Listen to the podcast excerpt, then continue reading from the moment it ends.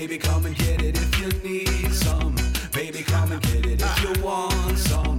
Baby, come and get it if you need. Just come and get it. Welkom bij de podcast van ComeGetIT.nl met Sander Bruis en Martijn Verheij.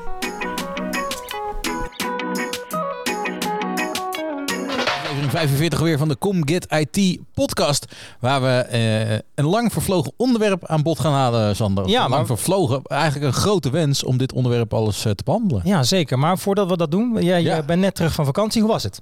Nou, ik eh, heb af en toe nog een klein hoesje. Ja, dat, Dat die is, heeft het eh, eh, overleefd inderdaad. Ja, Eh, die, die blijft aanwezig. Dat is een vervelend dingetje. Maar eh, Dus je hebt wat mensen inderdaad in de buitenlanden gezegd, eh, hallo, hoe gaat het? ja, I don't have corona.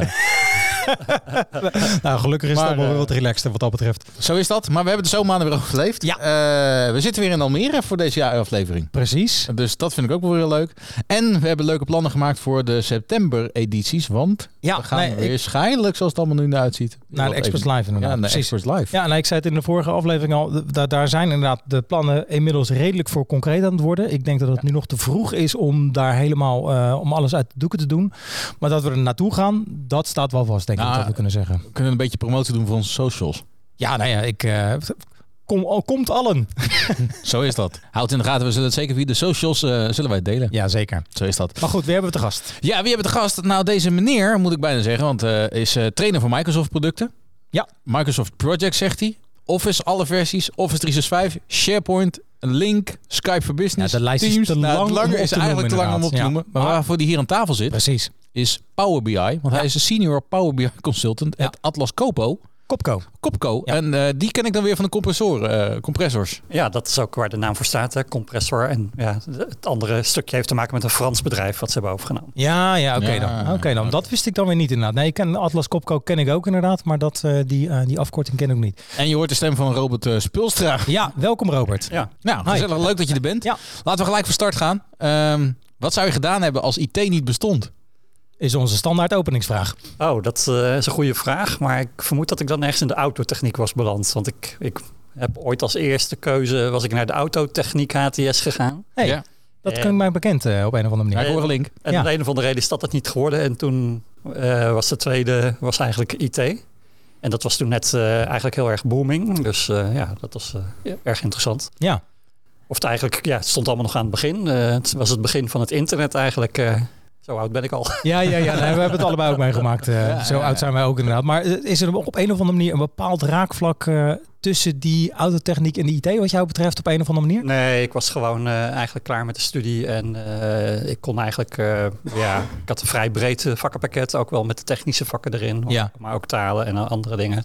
Economie. Dus ik kon eigenlijk van alles studeren.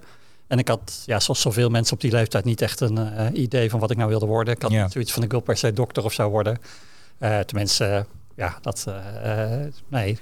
Net zoals veel mensen op die leeftijd, eh, weet je nog niet echt wat je wil. Dus dan kies je gewoon iets wat je wel interessant lijkt. Ja, nou het klinkt heel bekend. Ik heb ongeveer, nou niet met autotechniek, maar inderdaad, ik wist ook niet wat ik wilde worden, dus ben ik maar die IT ingegaan. nou ja, ik, ik hoor er iets. Ik hoor in ieder geval wel één duidelijkheid. Kijk, autotechniek is natuurlijk ook analytisch zijn. Zeker. En eh, IT in dit geval, in jouw geval zeg maar, Power BI is ook analytisch zijn. Dus ik hoor toch wel een link. Ja, nou ja, dat zou kunnen dat dat er misschien toen al in zat, ja. Ja. ja. En eh, ik ben niet echt, denk ik, nu eh, heel analytisch bezig, maar ik, ik, het is wel iets wat ik wel heel leuk vind. Dus Ja. ja, ja, Ja, misschien ja, is dat onbewust eh, zo gegroeid. Ja. We hebben je uitgenodigd voor het onderwerp Power BI. Ja. En eh, voor sommigen kan dat een eh, groot gapend gat zijn. Dus eh, waarom Power BI en wat is het? Ja. Ja, dat is eh, eigenlijk, eh, nou, bijna iedereen in de wereld kent wel eh, Excel. Ja. Microsoft Excel. Zeker. Er zijn bijna 1 miljard mensen die Excel gebruiken in de wereld. De vraag is hoe goed ze dat doen, maar dat is een ander verhaal. Ehm, maar ehm, ja, eigenlijk een van de nadelen die Excel heeft is ten opzichte van een database, en dat is vaak waar mensen uit de databasewereld eh ja, een beetje lacherig over doen, over Mhm. Excel, Ja. is dat ze zeggen van ja, eh, het is geen database. Met andere woorden, je, het zijn niet allemaal tabellen die aan elkaar gekoppeld zijn. Ehm, nou, dat was inderdaad tot voorheen zo. Eh, en Ehm, ja, Excel heeft ook een beperking van een miljoen regels bijvoorbeeld. Nou, er zijn heel veel mensen die zeggen, ja, maar die miljoen regels gebruik ik nooit. Ik wist niet eens dat er zoveel in zaten. Nee, dat wist ik ook niet eerlijk gezegd. Maar als ik dan zeg van, ja, maar stel dat je eh Vodafone Nederland bent en je hebt 6 miljoen klanten bij wijze van spreken. dan, eh, ja, dan is het wel handig als je die allemaal in één tabel kunt stoppen. Ja. En, en allerlei analyses op kunt doen of eh, ja, grafieken van kan maken, et cetera. Ehm, en ja, Power BI is eigenlijk ontstaan uit Excel. Er zaten eigenlijk vier add-ons in. Eh dat waren de Power BI, tool, ja, de Power Tools zou je kunnen zeggen. Mhm. Power Query, Power Pivot, Power Map. Nou, en eh, ja, in totaal vier tools. En eigenlijk zijn die vier tools, eh, ja, niemand wist dat ze er waren, omdat het add-ons waren, die moest je eerst activeren. En niemand die dat wist, en toevallig ik wel. en op die manier kwam ik er al heel vroeg mee in aanraking, maar dat was dus binnen maar Excel zelf nog. Ja, ja. Maar op een gegeven moment eh, kwamen daar steeds meer mensen eh, achter. En op een gegeven moment is Microsoft het product ook heel serieus gaan nemen. En hebben ze eigenlijk besloten dat de Power Tools uit, nou, uit Excel gehaald zo- zouden worden. En dan in een apart programma gestopt worden. En dat is dan Power BI. Ja, ja, ja, ja. Het gek is alleen dat ze de oude add-ons ook nog in Excel hebben laten zitten. Dus je kunt ook in Excel ja, op een Power BI-achtige manier nog steeds werken. Ja, ja. En, en even voor mijn duidelijkheid, BI staat voor Business Intelligence. Ja, ja, dat dat is, goed? ja, dat is een hele populaire kreet tegenwoordig. Hè. De meest, eh, ja, het is, ja, het is op dit moment heel hot, zal ik maar zeggen, in de IT-land. Eh, ja, bijna alles wat met data te maken heeft en het ontsluiten van data, het analyseren van data, het ontdekken van patronen of ja, allerlei eh, informatie uit de data halen. Ja, dat, dat hele vakgebied, dat noemen ze business intelligence. Ja, ja, ja, ja. ja. En Power BI staat inderdaad voor Power Business Intelligence, zou je kunnen zeggen. Ja. Eh, wat is je eigen achtergrond om helemaal in Power BI op te gaan en hoe lang bestaat het eigenlijk al? Ik, ja, daar gaan wat eh, discussies over. Want eh, soms vragen mensen me op een interview wel eens uh, strikvragen. En dan zeggen ze van hoe lang heb je al ervaring met Power BI? Ja. Ja, nou, ik heb het eh, exacte datum niet gepeild, zeg maar. Daarom zeg ik al gewoon zolang het bestaat. Inmiddels is dat wel een flink aantal jaren. Maar wat ik al zei, het bestond eigenlijk al in Excel voor Ja, ja, ja. tijd. Ja. En de exacte datum weet ik zo niet even uit mijn hoofd. Maar het is al, al, al vele jaren. Ehm, eh, maar wat er wel eh, vrij nieuw aan is, is dat Microsoft op een gegeven moment heeft gezegd dat dit een apart programma eh, zou Ja, ja, ja. moeten worden. Ja. En, en daarna heeft Microsoft ook nog iets heel bijzonders gedaan, wat ze anders doen dan de concurrent. En ook anders dan dat zij voorheen deden. Tegenwoordig gebruikt Microsoft voor Office, hè, hebben ze Office Mm. 365. Dat Ja. betekent dat je ook alles in de browser kunt gebruiken. En, maar het betekent ook dat in plaats van dat je, stel je hebt eh, een Office versie, Office 2010, en je gaat naar een nieuwe Office versie. Bij veel bedrijven gingen pas na 10 jaar naar een nieuwe versie over. En Ja, ja, ja. en dan sloegen ze één versie over en dan gingen ze naar de volgende versie. En wat nieuw is in Office 365 en ook bij Power BI, is dat er gewoon maandelijks en zelfs twee wekelijks updates zijn. En dat je die meteen voor je kiezen krijgt, of je dat nou leuk vindt of niet. Eh, en dat is waarom het programma zich zeer snel ontwikkelt. Eigenlijk exponentieel bijna. En dat maakt het eh, ook buitengewoon interessant. En ook omdat op een gegeven moment veel mensen het wel serieus gingen nemen. Waardoor allerlei mensen er zich er tegenaan gingen bemoeien, met Ja. name techneuten. Mhm. Waardoor de mogelijkheden ook exponentieel zijn toegenomen.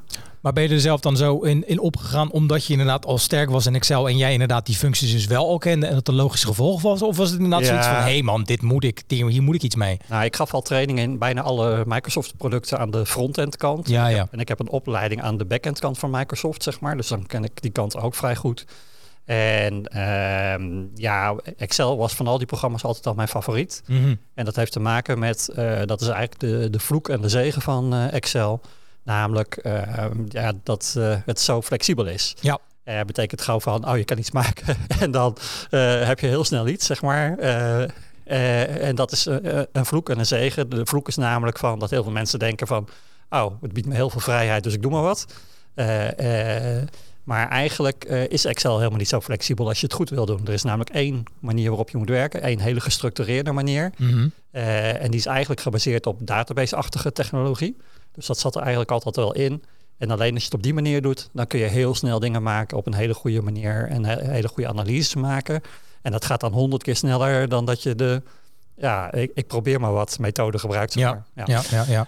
Nou, ehm, is deze vraag geïnspireerd op mijn vrouw. Want eh, vanmorgen toen ik wegreed, toen vroeg mijn vrouw aan mij. Hij zegt, ze zegt, eh, Martijn, wie heb jij eh, als gast vandaag in je aflevering? En toen zeg ik, nou, we hebben Robert Springer te gast. Speelstra. Speelstra, dankjewel. Mijn vrouw vroeg vanmorgen dus van, eh, ehm, wie heb je vandaag te gast? En toen zeg ik, nou, we hebben als onderwerp Power BI. Toen zegt ze, wat is dat? En waarom zou ik het moeten gebruiken? Ja. Toen zei ik, nou, het heeft iets met datacellen en dataverbindingen te maken in Excel.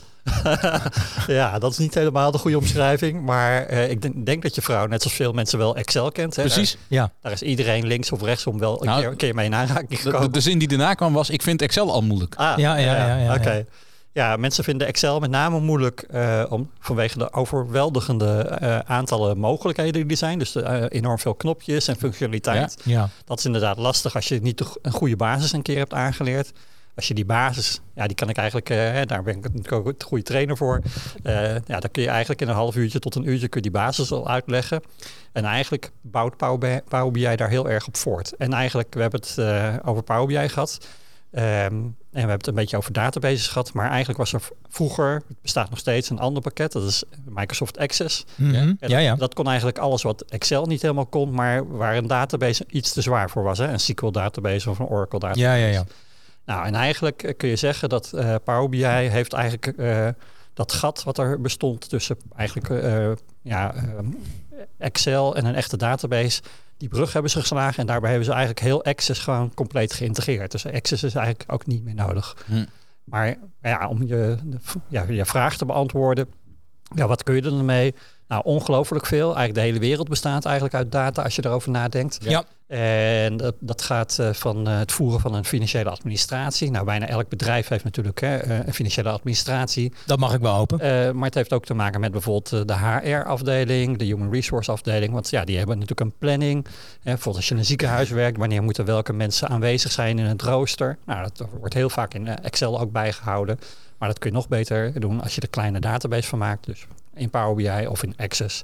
Ehm, en ehm, ja, het aantal mogelijkheden van wat je eigenlijk met data kan doen, dat is onbeperkt. En dat is ook waarom het reuze interessant is voor heel veel mensen en bedrijven. Want eh, het kan namelijk veel meer. En bij, ik, durf wel te stellen dat eh, elk bedrijf eh, in de wereld eh, wel een vorm van Excel gebruikt of een database of de combinatie daarvan. Ja, zeker. En dan is met name, nou, je vrouw heeft dan misschien moeite met Excel, omdat dat misschien niet haar vakgebied is. Hè, maar mensen die daar eh, wel mee werken, omdat ze de planning doen voor een bedrijf of de financiële administratie. Ja, of op een andere manier met data werken. ja, die, ja, die hebben daar meer ervaring in of die volgen daar trainingen in. En eigenlijk is Power BI een soort eh, ja, Excel 10.0 zou ik bijna zeggen, want het biedt zoveel uitbreidingen en meer mogelijkheden dan Excel, wat al een fantastisch programma is. Maar ehm, ja, het, het, eh, daar komen we straks waarschijnlijk wel op. Maar het, het biedt veel meer mogelijkheden nog dan dat Excel al bood. Nou, laten we er gelijk op ingaan. Want dan, dan ben ik inderdaad wel op, op zoek of en benieuwd naar een heel eh, concreet voorbeeld waar inderdaad, eh, die je zelf waarschijnlijk ook hebt meegemaakt, waar je inderdaad bepaalde organisaties de kracht van Power BI hebt kunnen laten zien. Hoe kan je dat inderdaad concretiseren in een voorbeeld? Of voorbeelden, voor dat matter. Ja, er zijn vele voorbeelden te geven. Maar om een beetje duidelijk te maken van eh, ehm, ja, wat het verschil is tussen Excel en Power BI en waarom het een heel interessant programma is. Is van eh, in Excel maak je vaak eh, wat wij noemen een tabel. Ja. En met data erin. En dan kennen heel veel mensen wel eh, filter, conditionele formatting en sortering. Dat zijn de drie basisfunctionaliteiten van een Excel sheet. Mhm. Daar kun je al heel veel mee. En sommige mensen ja, die kennen ook het principe van het maken van een draaitabel, een pivot table Ja. in, in Excel. Dan wordt het echt interessant, want dan krijg je ja, door op verschillende manieren naar de data te kijken, krijg je allerlei inzichten. Eh, dat is al heel interessant, maar dat is allemaal nog gebaseerd op één tabel. En wat je met Power BI eigenlijk doet, dan maak je eigenlijk meerdere tabellen die je allemaal aan elkaar knoopt. En wat je dan krijgt, dat noemen ze dan een datamodel. En eigenlijk kun je zeggen van dat het dan pas echt interessant wordt. En dat datamodel maken we ook eh, omdat eh, eigenlijk een, ja, mensen die niet zo ervaren zijn of niet de mogelijkheden kennen van Excel, die stoppen vaak al hun verschillende tabellen in één grote tabel. En dat Mhm. doen ze met eh verticaal zoekenfunctie of VLOOKUP functie op zijn Engels. Ja, ja. Ehm, en eigenlijk eh, moet je dat niet doen, want je moet eigenlijk die grote tabel splitsen in meerdere kleine. Ehm, en in plaats van dat je dan een VLOOKUP gebruikt of een verticaal zoeken eh, gebruikt, leg je gewoon wat wij dan noemen een relatie. Een relatie tussen verschillende tabellen. En het komt er eigenlijk op neer dat je dan werkt in wat wij noemen een soort eh, star schema. Het zijn eigenlijk, eh, je zou kunnen zeggen, vijf eh, tot zes tabellen. Kunnen er soms meer zijn, soms minder. Maar over het algemeen heb je één grote tabel waar allemaal kolommen in zitten met getallen. Dat noemen we de fact-tabel of de feitentabel. En daaromheen zitten een aantal eh, eigenlijk andere tabellen. En dat noemen we dimensietabellen. Of eigenlijk de filtertabellen zou je kunnen zeggen. En dat zijn met name tabellen die tekst bevatten. Dus je wilt namelijk filteren op een bepaalde categorie. Mhm. En eigenlijk is heel simpel gezegd, maar het is wel een heel krachtig principe als je dat snapt, is dat de dimensietabellen zijn eigenlijk de filtertabellen van de feitentabel. En die zijn eigenlijk gebaseerd op eh, een aantal W-vragen, namelijk, eh, ik zeg het even op zijn Engels, de who, de where, de when en de what. Mhm. Eh, en eigenlijk moet je dus alles wat daaraan gerelateerd is, dus de who is bijvoorbeeld de klant, hè, van wie. Voor, ja, stel, stel dat je internetverkopen doet, oké, dan wil je ergens bijhouden je klanten. Dus dan is er een tabel waar je klanten specifiek in zitten. Precies, ja. Ehm, en alles, alle eigenschappen van de klanten. En dat zijn dan met name dingen als eh, het adres, is het een man of een vrouw, eh, dat soort dingen. Eh, Betalen ze op tijd, ehm, ja, ja, nou ja, dat is, dat, bijvoorbeeld. dat is dan weer typisch iets wat, wat je in de feitentabel bijhoudt. Want dat zijn, ja, je zou kunnen zeggen getallen. Ja, ja, ja. Of het is een soort Ja. 1 of 0. Een soort status wat je ook vaak in de feitentabel Ja, ja, ja. Nou, de andere W-vragen zijn eigenlijk de what. Dat is eigenlijk het product. Dus oké, je verkoopt iets in een internetwinkel. Wat dan? Welke producten? Nou, dat zit dus in, ook. Hè, dat zijn namen van producten en sub eh, eh, ja, categorieën, Ja, ja. subcategorieën, et cetera. En dan heb je nog de when. Dat noemen we de kalendertabel in Power BI. En daar zit de datum in. Dus wanneer, welk jaar, welke maand, welk kwartaal. Ehm, ja, en dan heb je nog eh, de where-vraag. Dus waar. En dat heeft te maken met de locatie van de klant. Dus in welk eh, waar zit de klant in welk land, in welke provincie, welke plaats, welke postcode, welke straat, eh, nou, enzovoort. En dat, die, die, die vier tabellen, dat, daar is dat allemaal op gebaseerd? Of zijn dat tabellen die je vooraf definieert? Ja, die moet je eigenlijk zelf vooraf definiëren. En wat je dus vaak krijgt, dat, eh, als, het, als de gegevens uit een database krijgen, dan is het vaak al op die manier enigszins opgezet. Maar dan moet je nog wat strakker op de, eh, ja, definiëren, zoals, Hm. zoals ik net zei. Eh, maar heel vaak krijg je gewoon één Excel-sheet, hè, eh, als we het over een eenvoudig model hebben, waar alles al in zit. En dan moet je die dingen uit elkaar split, ja, trekken en splitsen. En het meest makkelijk is dan door te denken van, oh, maar wacht even, alles wat tekst is, dat hoort eigenlijk in een dimensietabel. Nou, welke? Daar hebben we het net eigenlijk over gehad. Dat zijn er Mhm. altijd vier of vijf. Ja, En, en niet eh, meer en ook niet minder. Ehm, en alles wat echt een getal representeert. Dus bijvoorbeeld, eh, oké, wat was de prijs van het product? Nou, dat staat in de feitentabel. Ehm, of eh, stel dat je eh, de gegevens van een helpdesk bijhoudt. Eh, wie heeft er gebeld of hoe vaak is er gebeld? precies, ja. Nou, dat is ook weer een getal en dat vind je dus in de feitentabel terug. ja dus, dus inderdaad, hè, Power BI geeft je dus beter dan Excel, als ik je goed begrijp, de mogelijkheid om bepaalde trends bijvoorbeeld waar te nemen. Zoals inderdaad, hè, zoals je zegt, een internetwinkel of, of een internetprovider. Die zegt, nou, we doen nu zoveel abonnementen ineens in die locatie. Of op, aan dat geslacht. Dat soort informatie kan je beter uit Power BI halen dan bijvoorbeeld een Excel dat kan. Ja, ehm, ja en we, eh, in een simpele Excel-sheet zou dat ook gaan door alles in één tabel te stoppen. Mhm. Maar ehm, je krijgt heel veel combinaties. eh, hè, want je kan natuurlijk eh 1 miljoen klanten hebben, maar die kunnen allemaal weer ja, 500 producten kopen. Maar dat kunnen ze allemaal weer op een verschillend tijdstip doen vanuit een verschillend land. Ja, precies. En als je al die combinaties in één tabel zou stoppen, dan krijg je wat wij noemen heel veel redundancy. En dat betekent eigenlijk dat het nooit meer in 1 miljoen regels past.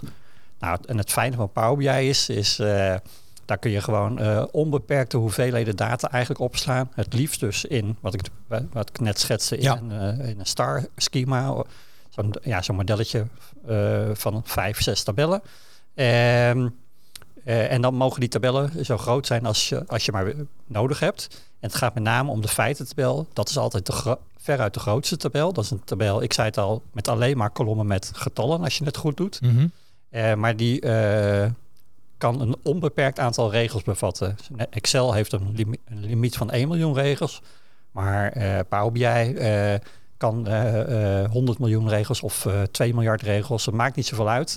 Als je dat op een gestructureerde manier doet, kan dat dus enorm veel meer data bevatten. De, En- de- en de dimensietabellen zelf die zijn vrij klein, omdat dat zijn eigenlijk categorieën. Hè? Bijvoorbeeld ja, de leeftijd, ja, dat zijn niet zoveel eh, regels. Mhm.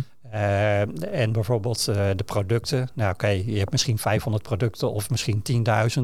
Maar dat loopt niet in de tientallen miljoenen. Nee, nee, nee. nee. Maar ehm, Power BI is volgens mij onderdeel van je dashboard, hè, van je Office 365 abonnement, de gratis versie.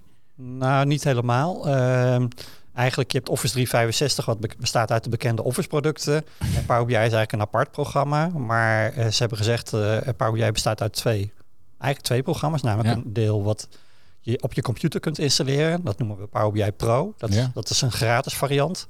Eh, daardoor ja, is, is dat een eno- enorm unique selling point van Microsoft. Maar ze hebben ook een online eh, eh, omgeving, dat noemen ze Power BI Servers. Ook dat is gratis. Alleen op het moment dat je echt je rapporten wil gaan delen met andere mensen, dan moeten de gebruikers moeten, wat wij noemen een Power BI Pro licentie hebben. En dat, die prijs die varieert ongeveer van tussen de 6 en 10 euro per maand per gebruiker. Maar als je dat al uitlegt, zeg maar, er zijn dus gratis varianten, dus eigenlijk iedereen kan het gebruiken. Klopt. Eh, maar je moet nogal de nodige technische achtergrond en kennis hebben als ik je zo hoor Nou, zeg maar, en het uitleggen ervan. Nou, de, de basis is eigenlijk, eh, eh, je hebt nou, sowieso Excel-kennis eigenlijk nodig. En je, je moet snappen wat, hoe je een tabel maakt in Excel. En, en eigenlijk eh, met name ook hoe je een draaitabel maakt. Want eigenlijk is heel Power BI is eigenlijk, eh, alles is gebaseerd op of het een draaitabel is of niet. Ja. Eh, en dat wordt dan met allemaal visuals op een hele mooie manier en in- intuïtief weergegeven. Maar eigenlijk de, de meest belangrijke twee visuals in Power BI die gebruikt worden zijn ook wat wij dan noemen de tabel en de matrix. En de matrix is eigenlijk gewoon precies hetzelfde als de draaitabel uit Excel. Ja, maar vind je dan ook niet als je je zo hoort praten dat Microsoft veel meer moet doen aan de promotie van Power BI, omdat mensen toch wel snel geneigd zijn om naar die eh, klassieke Excel te grijpen, eh, grijpen op hun eh, desktop of op hun PC? Ja, Ehm, nou ja, ik weet niet precies hoe ze dat doen. Ik denk dat het altijd wel twee aparte programma's zullen blijven. Maar het wordt al enorm gepromoot. Om je een beetje een idee te geven van, eh, van de 500 grootste bedrijven in de wereld. Zijn er op dit moment 499 die Power BI gebruiken. Ehm, dus eh, bij de mensen die eh, ja, echt heel veel met data doen, data-analyse. ehm, ja, Daar is Power BI wel bekend. is- daar is het buitengewoon bekend. Er zijn twee of drie concurrenten. eh, ja, waarvan Tableau de bekendste is. oh ja, ja, ja. Ja. ja, En dat is overgenomen door Salesforce. Maar eh, Tableau eh, is in vele opzichten net zo mooi of soms mooier dan Power BI. Maar ehm, het is alleen veel duurder. Ja, de Eh, propositie de van pri- Microsoft is... ja, eh, in de prijs per maand is het eh, ongeveer 70 euro voor Tableau en ongeveer 6 à 10 euro voor Power BI. Dus dat is eh, wel een groot verschil. Maar een aantal maanden geleden hadden wij eh, Roos Rooijakkers hier in de aflevering in deze podcast zitten. Zij data da- scientist. data scientist Ja. en die programmeerde of deden dat heel veel met Python Python. of ja. met Python. ja. ja, Ja, ja, what's in a name. ja ehm, nee, dat klopt. Eh, en dat is ook waar Power BI heel erg interessant is. Zoals ik al zei, er zijn vele mensen die zich met de ontwikkeling van Power BI Ja. eh, bezighouden. Dus het is geen programma wat af is, maar wat eigenlijk elke twee maanden, of sorry, elke twee weken eh, en elke maand een update krijgt. De service wordt elke twee weken geüpdate en de desktop elke maand. En dan komt er gewoon weer nieuwe functionaliteit bij. En in het begin was Power BI nog een beetje een programma dat je dacht van, oh, maar ik mis allerlei dingen en eh, is dit wel een volwassen programma? Maar en eh, ja, maar de concurrent kan dit beter. Maar naarmate de tijd vorderde, zag je dat eh, ze al die eh, niet zo goede dingen allemaal hebben opgelost en, en de functionaliteit sterk hebben uitgebreid. En dat het inmiddels de concurrent al heeft geëvenaard, zo niet eh, ver voorbij is. Ja, de Ja. Microsoft way. Ja, maar dat is ook wat ik al zei, sinds Office 365 en ja, wat wij dan noemen werken met een agile en scrum, scrum manier van werken. Dat betekent feitelijk gewoon dat je hele, steeds hele kleine iteratieve verbeteringen doet. Maar ja, als je een heleboel kleine iteratieve verbeteringen doet, dus repeterende verbeteringen, ja, dan snap je wel dat je na 12 maanden of na 24 maanden of na 36 maanden een heel ander programma hebt gehad, wat ja, veel beter is geworden. Ja, nou kijk, wij zitten natuurlijk, eh, Martijn en ik, wat meer aan de infrastructuurkant. Dus wij hebben wat meer aan de nou ja, Azure eh, kant van Office 365. En je gaf het net al een beetje aan. Het is dus kennelijk, en zo is het op mij ook overgekomen, het was er ineens. Het is dus, als ik je goed begrijp, een combinatie van al bestaande eh, technieken binnen Excel die op een gegeven moment gewoon hun eigen applicaties zijn geworden. Is daardoor niet het klein beetje, nou ja, je zegt dat, dat het bij de grote bedrijven wel bekend is, maar wij dus hebben de indruk dat het een beetje een ondergeschoven kindje is. Of, of zien we dat dan helemaal verkeerd? En zou de integratie met Office 365 dan niet nog wat beter kunnen zijn als dat ons idee is in ieder geval? Ja, nou ja, ik, denk dat het inderdaad. eh ja, het is voor mij een beetje lastig in te schatten, want ik werk eh, bijna alleen maar met Power BI. Ja, ja, ja, tuurlijk. Eh, dus dan is het lastig in te schatten of andere mensen er wel veel eh, of niet veel mee werken. Ja, Power BI heeft eigenlijk ook twee takken van sport, zou je kunnen zeggen. Namelijk, er is een tak van sport waar ik me veel mee bezig hou. Dat noemen ze ja, de enterprise rapportages. Dat Ja. betekent echt dat je voor de grote bedrijven of voor de CFO of de CEO van een bedrijf of het, ja, het hogere management zou je kunnen zeggen, eh, rapportages maakt. Maar dat zijn ook rapportages die door een team worden gemaakt eh, en beschikbaar worden gesteld. En die zijn ook alleen maar lezen en daar mag je verder niks aan veranderen. Mhm. Eh, en er is een andere tak van sport, dat is een ander uiterste. En dan gaan mensen allemaal zelf eh, rapportages maken of zelf inzichten maken waarvan zij denken, oh dat is voor ons bedrijf of voor mij persoonlijk eh, waarschijnlijk heel interessant. Ja, ja. Ehm, eh, dat is heel moeilijk te beheren. Dus daar is vaak weerstand tegen bij grote bedrijven. Maar ja, de vraag is er toch en de flexibiliteit willen mensen toch. Dus het zijn twee takken van sport die allebei gesupport moeten worden. En wat ik bij klanten nu veel doe, is dat ik beide ondersteun. Ja, ja. Zowel de, de enterprise rapportage als ook ja, eh, ja, de self-service, zoals we dat noemen. Maar is het uiteindelijk dan, nou ja, niet misschien een unique selling point, maar de grote kracht dat het, zeker die grote bedrijven, inzicht in data geeft en daardoor bijvoorbeeld veel efficiënter kan werken. Ik noem maar, weet ik veel, Coca-Cola, die inderdaad ineens veel beter ziet hoeveel flesjes overal verkocht worden. Ja. Dat soort ideeën, moet ik, moeten we het zo zien? Ja, dat, gaat, ik, eh, dat, dat is het waarom het programma buitengewoon interessant is. Eh, en sowieso een database heel erg interessant is. Maar het nadeel van een database in mijn optiek is dat het eh, vereist er- erg veel expertise Ja. om een database neer te zetten, de infrastructuur op te richten. En eigenlijk bij Power BI komt dat out of the box. Eh, en kun je met relatief beperkte kennis, ik zeg niet dat je helemaal geen kennis hebt, maar als je gewoon een training hebt gevolgd, dan snap je de basisprincipes al. Ja. Ehm, en dan kun je al heel snel tot hele eh, waardevolle resultaten komen. En eigenlijk is het bij mij altijd zo, als ik ergens binnenkom en ik maak een rapportage, ja, dan kan ik gewoon het geld zo eh, oprapen. En dan hebben we het echt over heel veel geld. Eh, gewoon door ja, dingen veel inzichtelijker te maken. Of t- een voorbeeld is bijvoorbeeld, ik heb het gewerkt bij een bedrijf, ik zal even geen naam noemen, maar een bedrijf wat eh, heel- erg in de sportkleding zit. Mhm. En eh, daarvoor hebben wij, nou, ik ben benaderd door een bedrijf dat wat apparatuur maakt, wat een beetje lijkt op een mobiele telefoon, maar wat de apparatuur doet is alle sportkleding in hun winkels wereldwijd, en dan hebben we het in dit geval over duizenden winkels wereldwijd. Eh, hebben zij samen met mij en een collega hebben een proef gedaan. Ze hebben een soort scanner in de vorm van een soort mobiele telefoon. En al hun kledingstukken in de winkel, maar ook in de magazijn, die hebben een chip. En die chip is een, wat wij noemen een RFID-chip. Ja, ja, precies. Dus, eh, ja, dat zendt een klein signaaltje uit binnen een meter of drie. En met eh, vroeger ja, gingen ze naar de winkel en dan scanden ze alle ja, artikelen die in de winkel lagen handmatig. En daar waren ze dan eh één of twee dagen mee bezig. Dat gebeurt ook in veel supermarkten en bouwmarkten. Ja. Alles, alle bedrijven die, ja, ja, waar ze heel veel voorraden hebben. En dan ging de winkel ook eh, daadwerkelijk dicht. Of het magazijn gaat dan één of twee Ja, dagen dan moesten ze balansen bedoel je echt. eh. Ja, ja, Ja, ja. balans Ja, ja. ik zou Ja. het kunnen noemen, ja. En eh, wat ze nu doen, eh het loopt gewoon een medewerker met dat apparaatje door de winkel heen. En binnen één uur is die hele winkel gescand. En dat kunnen ze dus ook gewoon elke week doen of elke maand. Precies. Eh, dus veel vaker. En wat die sportkledingen, eh, ja, eh, dat, eh, ja eh, dat bedrijf, zeg maar, wat die sportkleding verkoopt, dan doet, is ze kijken van, oké, welke artikelen liggen er in onze winkel? Welke artikelen liggen op voorraad? Oh, wij dachten dat deze artikelen aanwezig waren en die blijken er niet te zijn, omdat ze gestolen waren of ergens onderweg verloren zijn. En dat is heel belangrijk. En we hebben een soort formule gemaakt dat, ze, dat we kunnen uitrekenen hoeveel verlies ze hebben. Dat als iemand in de winkel koopt en die zegt, ja, ik wil dat eh, specifieke paar eh, sportschoenen in de rode kleur, die maat. En dan, zeg, ja, dan zeggen ze van, ja, maar die zijn er niet. Om onbekende redenen, maar die zijn er niet. Mhm. Nou, dat betekent dat je geen eh, sales kunt doen.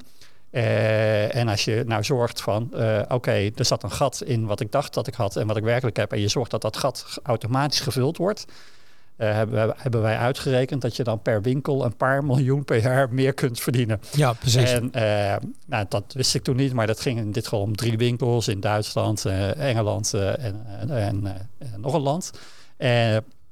En daar hebben we dan bewezen van hoeveel meer omzet ze kunnen maken door dat op een goede manier te doen met, met die scanner. In een Power BI rapportage. Alleen ze had me toen, toen nog niet verteld dat het daarna naar alle du- duizenden winkels wereldwijd ging. Maar goed, ze geven dus uiteindelijk Power BI geven dus inderdaad inlichten. Is het, is het big data uiteindelijk waar het dan onderdeel van is? Nou, big data is weer een iets andere tak van sport. Toch wel. Eh, dat kun je ook wel met Power BI eh, ondersteunen, maar de- daar heb je eigenlijk andere tools voor. Ah, Oké, oké, ja, eh, en je hebt ook je- ja, je hebt allerlei takken van sport. Toevallig net kwam de naam Python al voorbij. Precies, ja. Nou, toen ging ik er even niet op in, maar eh, om je een beetje idee te geven, Python is een, een hele populaire programmeertaal. een van de populairste op dit moment. Eh, omdat het eh, ook relatief makkelijker te, leren te leren is, maar ook omdat het door met name in de business intelligence, dus de datawereld, heel veel wordt gebruikt. En ja, het goede nieuws is, het integreert volledig ook met Power BI. En dat is ook heel erg interessant. Bedrijf waar ik nu werk, die hebben ook allemaal veel data scientists in, Mhm. in dienst. Ja. En die houden zich met dat soort tools bezig. En die houden zich ook met big data bezig, maar ook met Internet of Things. Hè? Dat je, nou ja, daar hadden net al een beetje over dat je elk eh, apparaat een chip geeft die, wat je remote eh, kan monitoren. En dat doen we in een interactieve Power BI rapportage.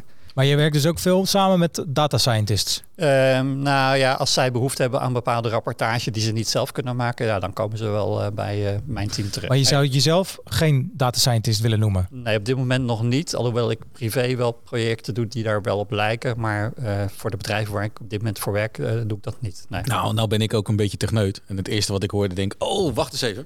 Ik ga nu mijn zonnepanelen uitlezen en in Power BI plaatsen. Ja, Ja, dat- ja, nou ja, inderdaad. Hè, van, eh, eigenlijk alles wat data genereert, dat kun je natuurlijk, eh, als je dat opslaat in een bepaald bestandje, dat, dat kan- maakt niet uit wat voor type bestand eigenlijk, dan kan Power BI dat inlezen. En dat is ook de grote kracht, dat Microsoft heeft gewoon wat wij noemen connectoren gemaakt ja. naar alle producten van alle grote concurrenten. Dus je kan letterlijk heel LinkedIn bijvoorbeeld koppelen, of heel Facebook, of Twitter.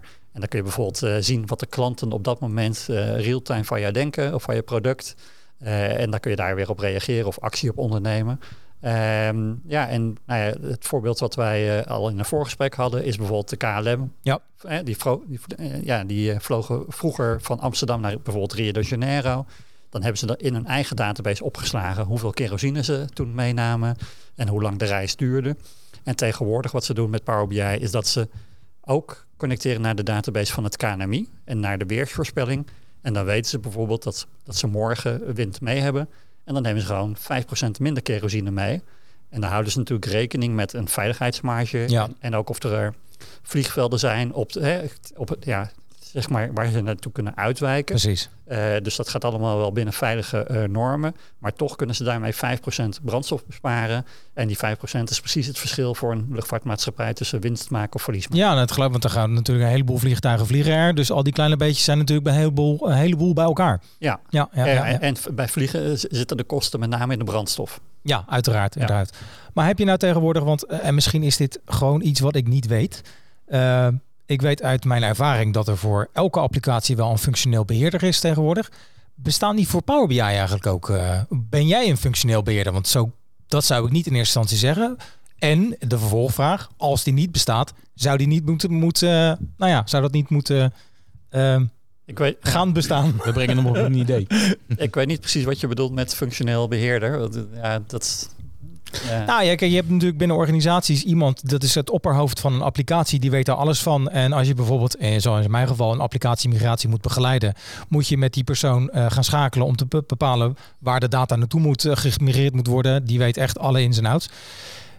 Heb je dat voor Power BI ook inderdaad? Of kan is het alleen maar inderdaad dat je die data, de Power BI gebruikt om die data eruit te halen. En verder heeft het niet zo heel veel beheer nodig. Eh, nee, het heeft wel degelijk eh, beheer nodig. Eh, wat je vaak bij de grotere bedrijven ziet, en dat geldt ook voor het bedrijf waar ik nu werk, maar ook voor de bedrijven daarvoor, is dat er vaak een team van mensen is die zich bezighouden met Power BI. Mhm.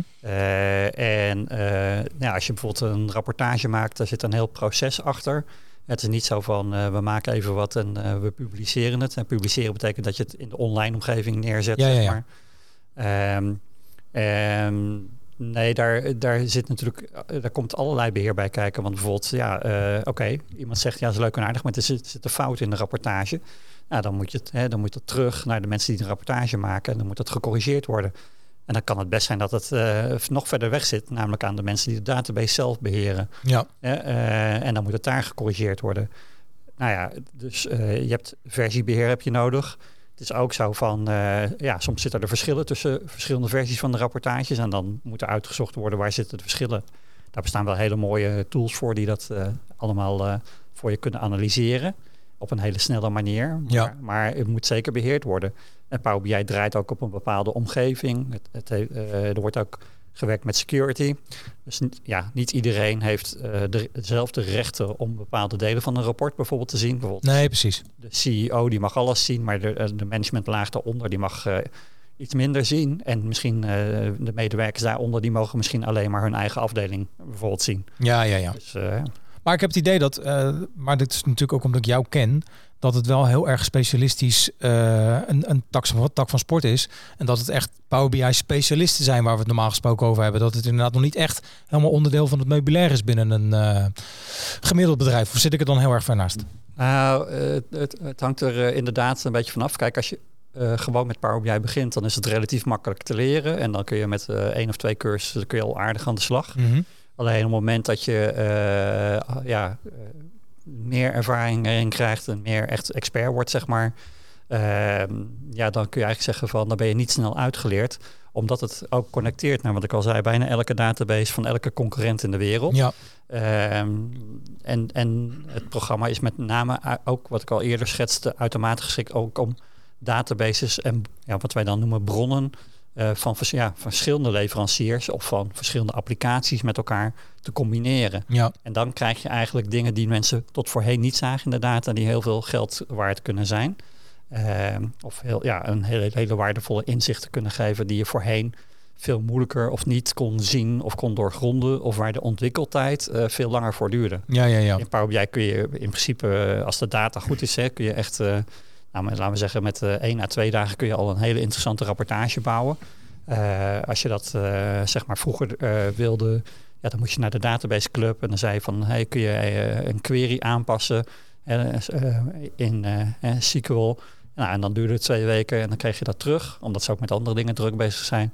En dan zeg je ja, oké, dat is goed, maar ik bedoelde eigenlijk dit. En dan, Ja, ja, ja, ja. Nou, dan heb je weer een, een doorlooptijd van twee weken. Ja. En in Power BI klik je die, dingen- die dingen gewoon zelf in elkaar zonder echt SQL-kennis nodig te hebben. Dat helpt wel als je dat hebt, maar je kunt het ook prima zonder. Ja.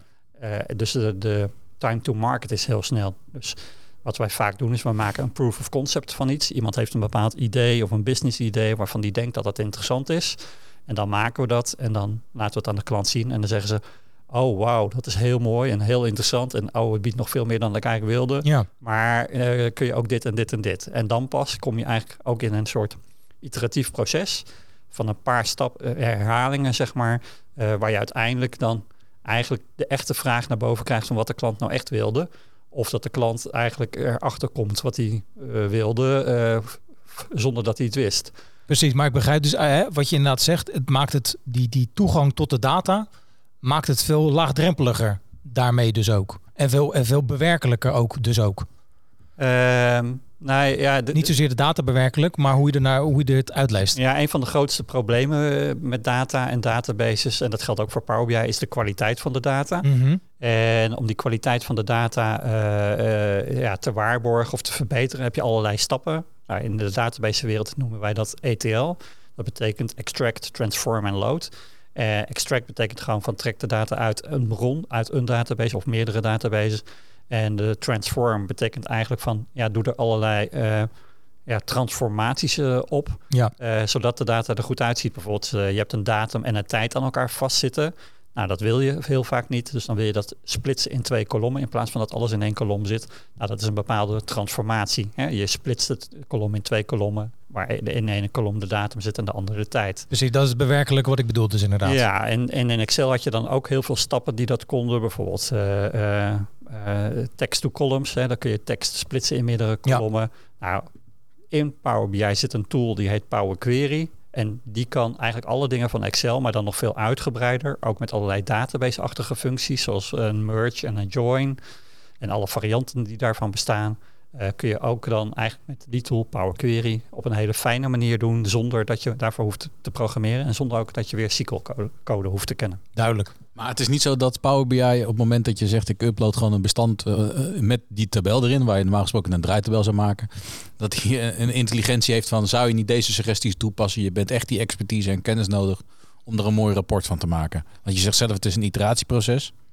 Nou, hij, er zijn wel ontwikkelingen gaande bij Microsoft dat ze inderdaad het steeds meer eh, gaan genereren. Hm. Ehm, maar het is nog niet zo ver op dit moment. Maar het wordt wel steeds makkelijker gemaakt om inderdaad snel een analyse te krijgen. En als je inderdaad in Excel al een draaitabel hebt, dan ben je in mijn optiek al eh, heel erg ver. Ik zeg ook altijd tegen collega's van als er eh, iets nieuws opgeleverd moet worden van oh, kun je mij eerst een Excel sheet van de data uit de database opleveren in een draaitabelvorm. Want dan weet ik al hoe het in Power BI eruit moet komen te zien. Ja, ja. Eh, en dan gaan we dat natuurlijk dan daarna weer uitbreiden met meer complexiteit. Maar de basis is heel vaak een draaitabel. Dit klinkt allemaal heel erg mooi. En ik ben wat dat betreft, kijk, het zit buiten ons expertisegebied. Maar ik zie af en toe nog wel eens inderdaad dat ik dacht, eh, wat is deze Excel sheet eh, mooi zeg. Want ik weet nu dat het dus uit Power BI komt. Dus ik zie eigenlijk alleen maar voordelen. Maar zijn er ook eigenlijk nadelen voor het gebruik van Power met of voor het gebruik van Power BI? Ja, de, de- ik denk dat eh, omdat er steeds meer eh, functionaliteit bij komt. En ook omdat het integreert met allerlei pakketten. Dus eh, in- inderdaad met eh, eh, R hebben we nog niet over gehad. Maar dat is een heel veel gebruikt statistisch pakket. Ja, Dat integreert ook volledig met Power BI.